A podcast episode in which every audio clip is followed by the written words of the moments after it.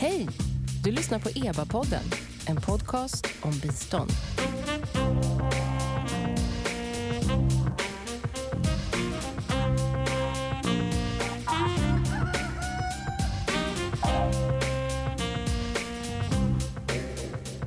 Välkomna till EBA-podden som ges ut av Expertgruppen för biståndsanalys.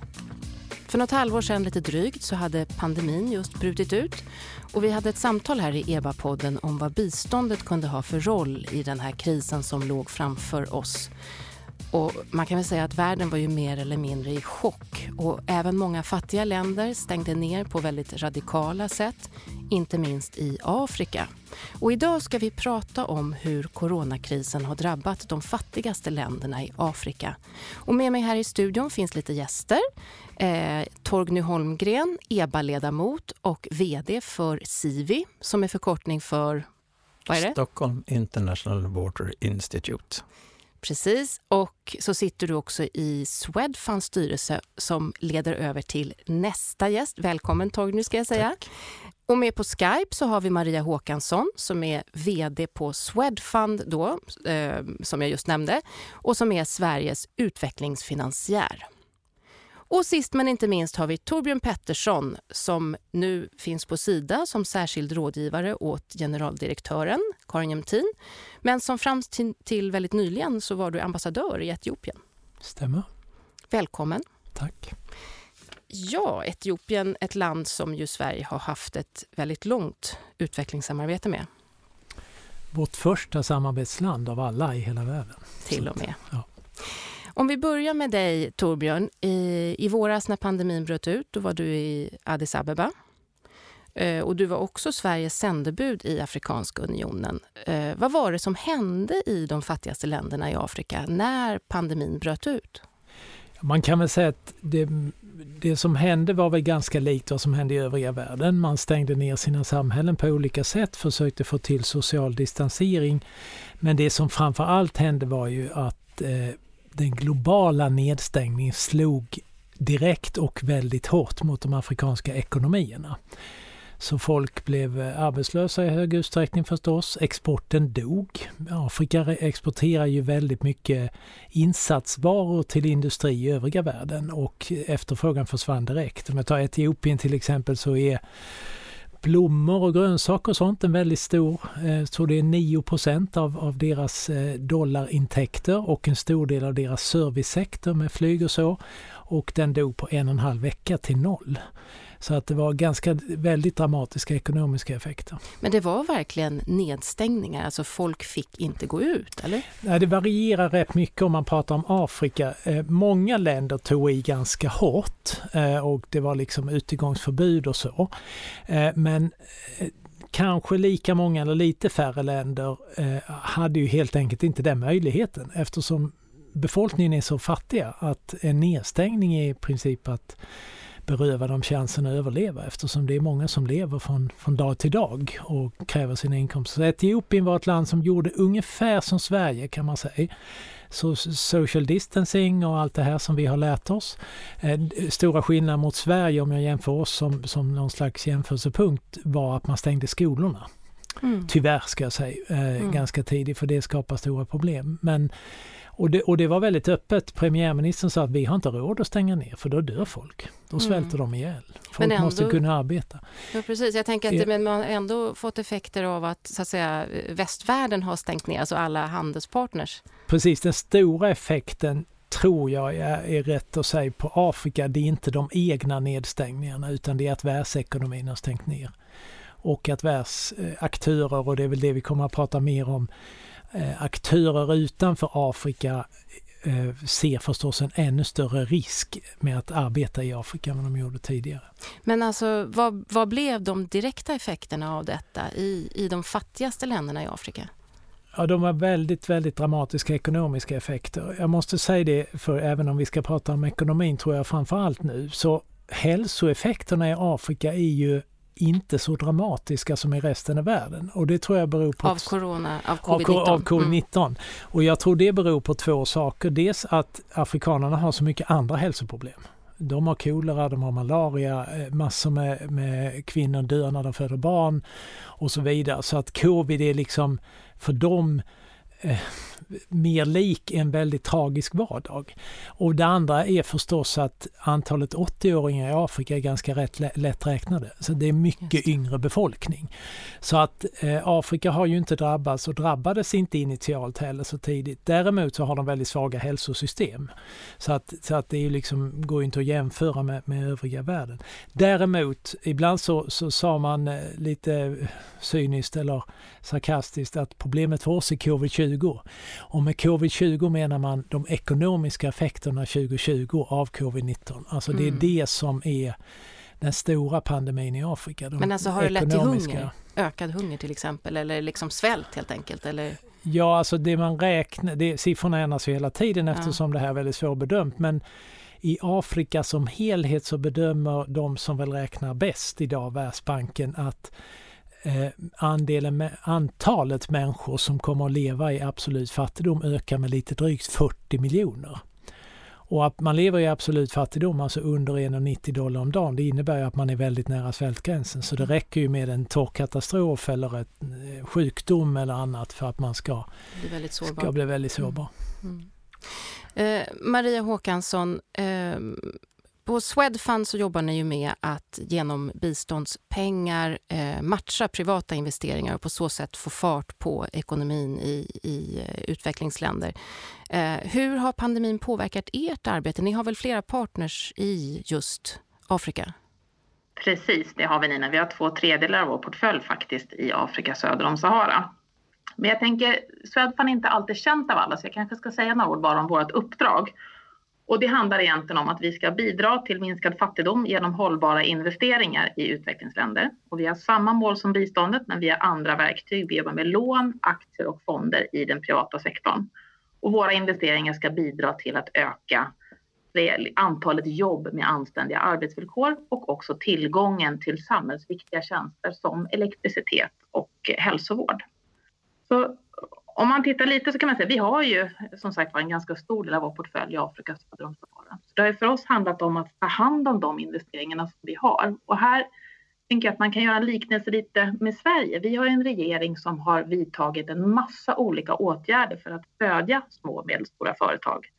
Om du tittar i Afrika så har de flesta regeringar inte medel eller pengar för att kunna göra det. Och då blir en aktör som vi ännu viktigare för att säkerställa att hållbara företag kan överleva och att jobb faktiskt räddas. Hur, hur har den här krisen påverkat ert arbete? Har det påverkat? Jag tänker, ni jobbar väl ofta just eh, tillsammans med privata investerare? Om de drar sig ur, alltså hur, hur hanterar ni det? Hur påverkas ni? Om man tittar till exempel så kan man att vi har behövt jobba då med en mängd olika åtgärder för att då göra typ överbyggnadsfinansiering eller skjuta till pengar till de investeringar som vi redan har för att rädda jobb. Det kan till exempel handla om mikrofinansinstitutioner eh, som vi jobbar med. Och där handlar det om att de i sin tur ska kunna fortsätta sin verksamhet och också på ett ansvarsfullt sätt kunna jobba med de allra minsta företagen i de fattigaste länderna. Och här handlar det faktiskt om de som sitter på gatan och säljer grönsaker eller den kvinnan som jag träffade för ett år sedan som jobbar med att hyra ut rum eller bostäder och som har tagit lån och sakteliga kunnat bygga upp och ha faktiskt flera olika bostäder hon kan hyra ut. Och det är hennes sätt att försörja sin familj. Men i den här situationen så kanske hon inte får några intäkter och då förlorar hon ju hela sin möjlighet att försörja sig. Mm. Så för oss att jobba vidare med de företagen är ju extremt viktigt. Vi har också som en del av vår verksamhet en pott med medel som kallas för teknisk assistans och som vi kan använda för att stödja våra företag i en hållbar riktning. I år har vi valt att lägga de pengarna väldigt mycket på skyddsutrustning egentligen för att då möjliggöra för de kliniker eh, och sjukhus som vi har investerat i, att de ska fortsätta kunna hålla öppet. Och det har handlat både om mödravård, förlossningskliniker men också om cancerkliniker och hjärtsjukhus. Så det har varit en annan viktig del av vårt uppdrag. Mm. Och det sista handlar ju faktiskt om att våga fortsätta investera i en sån här tid när risken är väldigt hög. Och här har vi gjort ett antal investeringar under året. Torgny Holmgren, eh, du har ju också tidigare jobbat eh, just med Afrika på Världsbanken bland annat. Eh, kan du säga något om hur såg den ekonomiska utvecklingen ut i Afrikas låginkomstländer före coronakrisen? Man kan väl överlag säga att under de senaste 20 åren har flera länder haft en relativt bra tillväxt och utveckling vad gäller fattigdomsreduktion i Afrika. För 20 år sedan då räknade man med att Afrika behöver ungefär 7,5 procents årlig tillväxt för att hålla befolkningsökningen stången för att lyfta människor ur fattigdom. Och det var direkt efter skuldkrisen var löst, eller åtminstone skuldlättnadsåtgärder var genomförda inom den så kallade Parisklubben. När finanskrisen kom 2008 så klarade flera ekonom afrikanska ekonomier det ganska bra. För man började få reformer på plats, makroekonomiska reformer. Sen kanske man inte var lika länkad till globala ekonomin heller som många andra länder. Och så att vi har sett en fattigdomsregression. För 30 år sedan var ungefär 54-55 procent av Afrikas folk under den lägsta fattigdomsnivån. För fem år sedan var vi nere i 40 och beräkningen var att bland, fram till 2030 kommer det till 20. Men då har vi dels coronapandemin som har kommit, men den stora utmaningen som vi kallar som Afrika står för, det är den enorma befolkningstillväxten. Man räknar med att Afrika går från en till fyra miljarder människor under det här seklet. Och bara förse med hälsovård, utbildning, jobb är ju en gigantisk uppgift. Så att det behövs ju tillväxt och det behövs ett antal både reformer institutionellt men även investeringar i Afrika för att för, till, tillhandahålla jobb helt enkelt. Och pandemin, precis som Torbjörn sa och Maria är inne på, har ju nu dragit ner flera i, i, fatt, i fattigdomsfällan igen. Globalt sett räknar Världsbanken med ungefär 150 miljoner människor kommer att falla ner under fattigdomsstrecket under nästa år, i år nästa år. Och för Afrika så har du Torbjörn 40 miljoner. Så det är pandemin har ju accentuerat behovet av framtida ja, både eh, investeringar men även reformer i de afrikanska ekonomierna. Det har varit en hygglig utgång, eller utveckling ska jag säga, men mm. samtidigt ska man komma ihåg att Afrika är 55 länder. Det skiljer sig ja. väldigt mycket från afrikanska länder. Jag brukar också ofta hävda att en genomsnittlig afrikansk ekonomi är mindre än en genomsnittlig svensk kommun. Så man ska komma ihåg liksom storleksförhållanden om man startar på en låg nivå. Mm. Men eh, redan utsatta ekonomier eller länder i Afrika har nu drabbats dels förstås av, av eh, en, en, handel som har bara stannat upp eller som har kraftigt decimerats eller minskat. Eh, men, men, och så även det här med att anhöriga då som har utvandrat och som skickar hem pengar i form av remitteringar, de skickar inte pengar därför de kanske har blivit av med jobb och så vidare. Torbjörn, eh, vad, vad blir konsekvenserna på lång sikt Ja, de blir nog ganska dramatiska. Jag tycker i och för sig det är viktigt att hålla fast vid det tåg ni säger. Att om man tittar i ett lite längre perspektiv så i bästa fall så blir ju det här ett olyckligt men ändå så att säga hack i en väldigt positiv kurva av tillväxt. Men det vet vi ju inte. Det beror lite på hur återhämtningen ser ut. Men eh, det som, som eh, vi, vi, vi, kan säga med ganska stor säkerhet det, det är ju att du har en, en eh, tillbakagång vad, vad gäller bekämpningen av fattigdomen. Och jag sitter i några sådana här think tanks som, som eh, har en massa experter som räknar på det där och jag läser vad Världsbanken säger. Men säg att det är någonstans mellan fem och tio år tillbaka. Så att du kan säga att den här positiva utvecklingen som Torgny beskriver den, den stannar du tillbaka på, på, eh, det kommer att gå till 2023 tills du är där du var före covid. Så det är väl ett sätt att väldigt makroekonomiskt beskriva det. Så om tre eh, år? I bästa 2023. fall 2024 säger man att man är tillbaka där man var 19. Då har man tappat 3-4 års ja. tillväxt. Mm. Eh, men det som ju, och det, jag menar det är hemskt eh, och det innebär att eh, enligt Världsbankens uppskattningar det ungefär 40 miljoner trillar tillbaka i absolut fattigdom.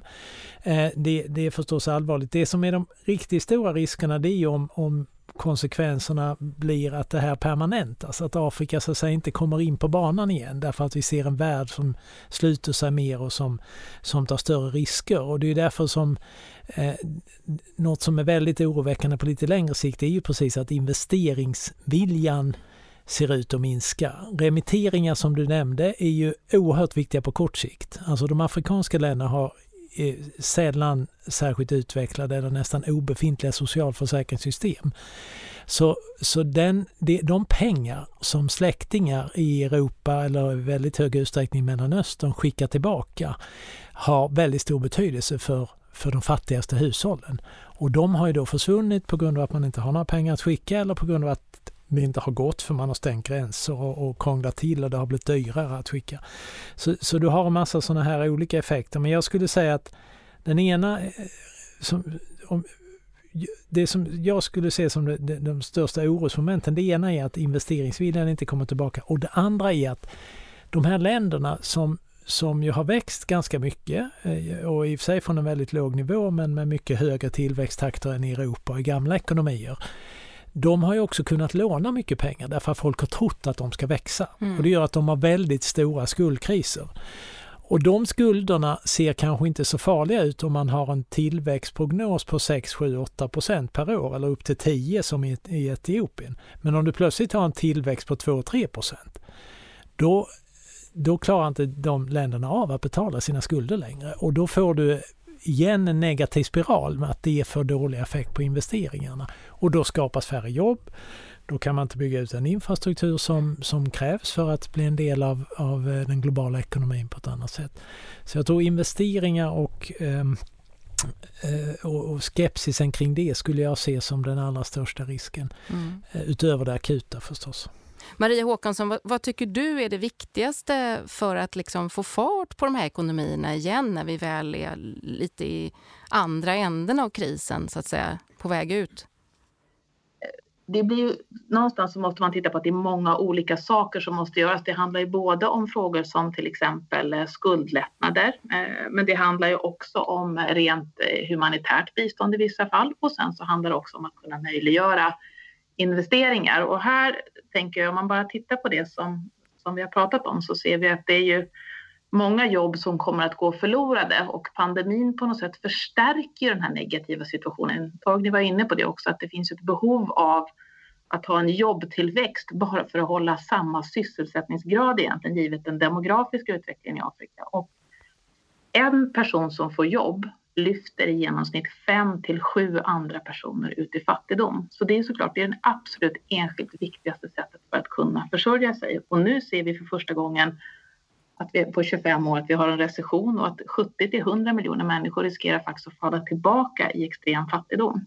Och det är naturligtvis en extrem situation som vi hamnar i då. Torg, nu, vad säger du? Är det viktigaste nu att skapa jobb och, och, och kliva in som utvecklingsfinansiär för Sverige? Eller, eller finns det andra sätt att få fart på, på ekonomierna i de fattigaste länderna i Afrika? Jobbskapande är onekligen väldigt viktigt och basalt, precis som Torbjörn och Maria är inne på här. Det är ju det som är grunden helt enkelt för en samhällsutveckling. Men det finns ju ett antal moment som genererar jobb också, skulle jag säga.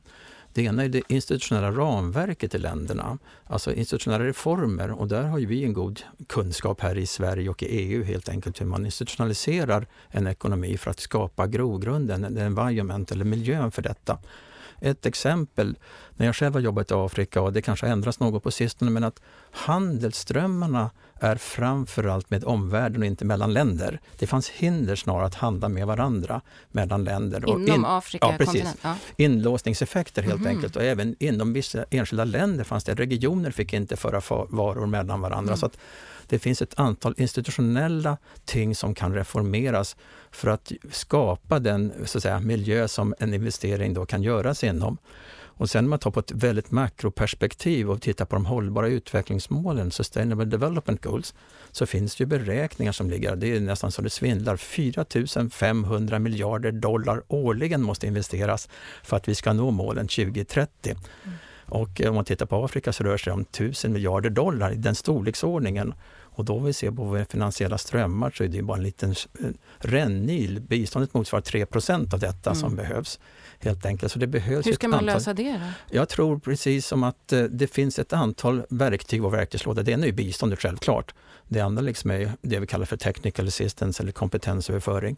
Sen tror jag mycket på att hitta moment att kunna ska säga, tappa, att få den kapitalmarknaden att investera i hållbara utvecklingsinsatser och det börjar komma nu det finns några beräkningar, kan man bara ta 1% av det totala kapitalflödet under ett år så skulle man klara det här med hållbara utvecklingsmålen helt enkelt.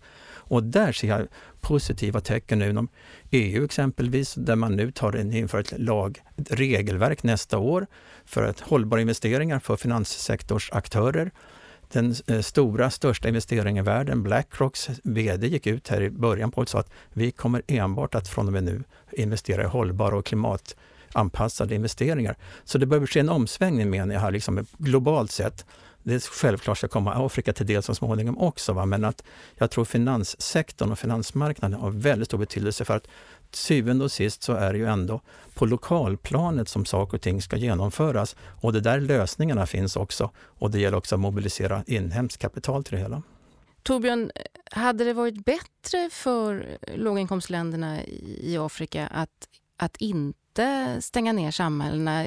Hade det spelat roll eh, jag menar, för, för den inhemska ekonomin eller är man ändå satt i den här knepiga sitsen med tanke på att eh, västvärldens länder har stängt ner och partners?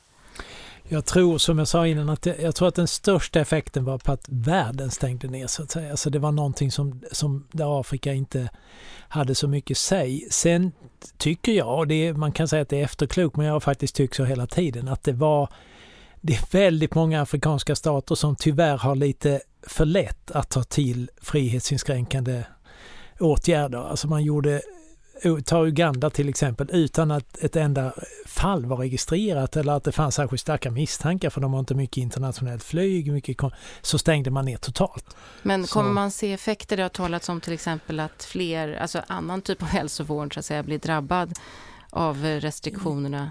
Ja, alltså dels blir de drabbade av restriktionerna och framförallt fanns ju en risk och det där har, där har vi ju inte minst från Sveriges sida så eh, svenska regeringen och våra humanitära aktörer agerat eh, hela tiden därför att Alltså risken av att man ställer in ett vaccinationsprogram eller att man drar ner på åtgärder mot mödradödlighet är, eh, är ju mycket större än covid. Det låter cyniskt att säga så, men jag menar... Det, I de här länderna? Ja, mm. alltså jag tittar på statistiken från etiopiska folkhälsomyndigheten. Jag följde den vecka för vecka under våren. Och menar, covid var ju inte ens bland topp 10 av folkhälsoproblem i Etiopien förrän möjligen någon gång i mitten på juli. Och knappt ens då. Det är fortfarande tre, fyra stora dödare kolera, eh, barnadödlighet i, i samband med förlossning som är liksom typ 5, 6, 7 gånger så stora som covid. Så att det, det, är ju det är helt andra proportioner. Eh, och, och sen att, att Afrika har en mycket yngre befolkning har förstås betydelse också för eh, hur, hur dödlig och farlig den här sjukdomen eller pandemin är i Etiopien. Med det så tackar jag er alla. Torbjörn Pettersson, tidigare ambassadör i Etiopien, nu rådgivare till generaldirektören på Sida. Eh, Torgny Holmgren, ledamot i expertgruppen för biståndsanalys, vd för Sivi och Maria Håkansson, vd för Swedfund. Tack, tack, tack. tack. tack. Kul att ni var med. För er som är intresserade av utvecklingsfinansiering så finns det flera EBA-rapporter att läsa på vår webbsida eba.se.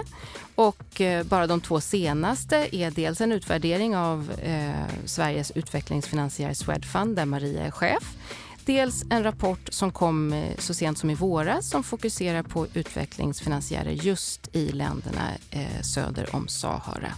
Och det finns flera till om utvecklingsfinansiering som ni hittar på eba.se som sagt. Tack alla för att ni har lyssnat. Jag heter Nina Solomin. Vi hörs.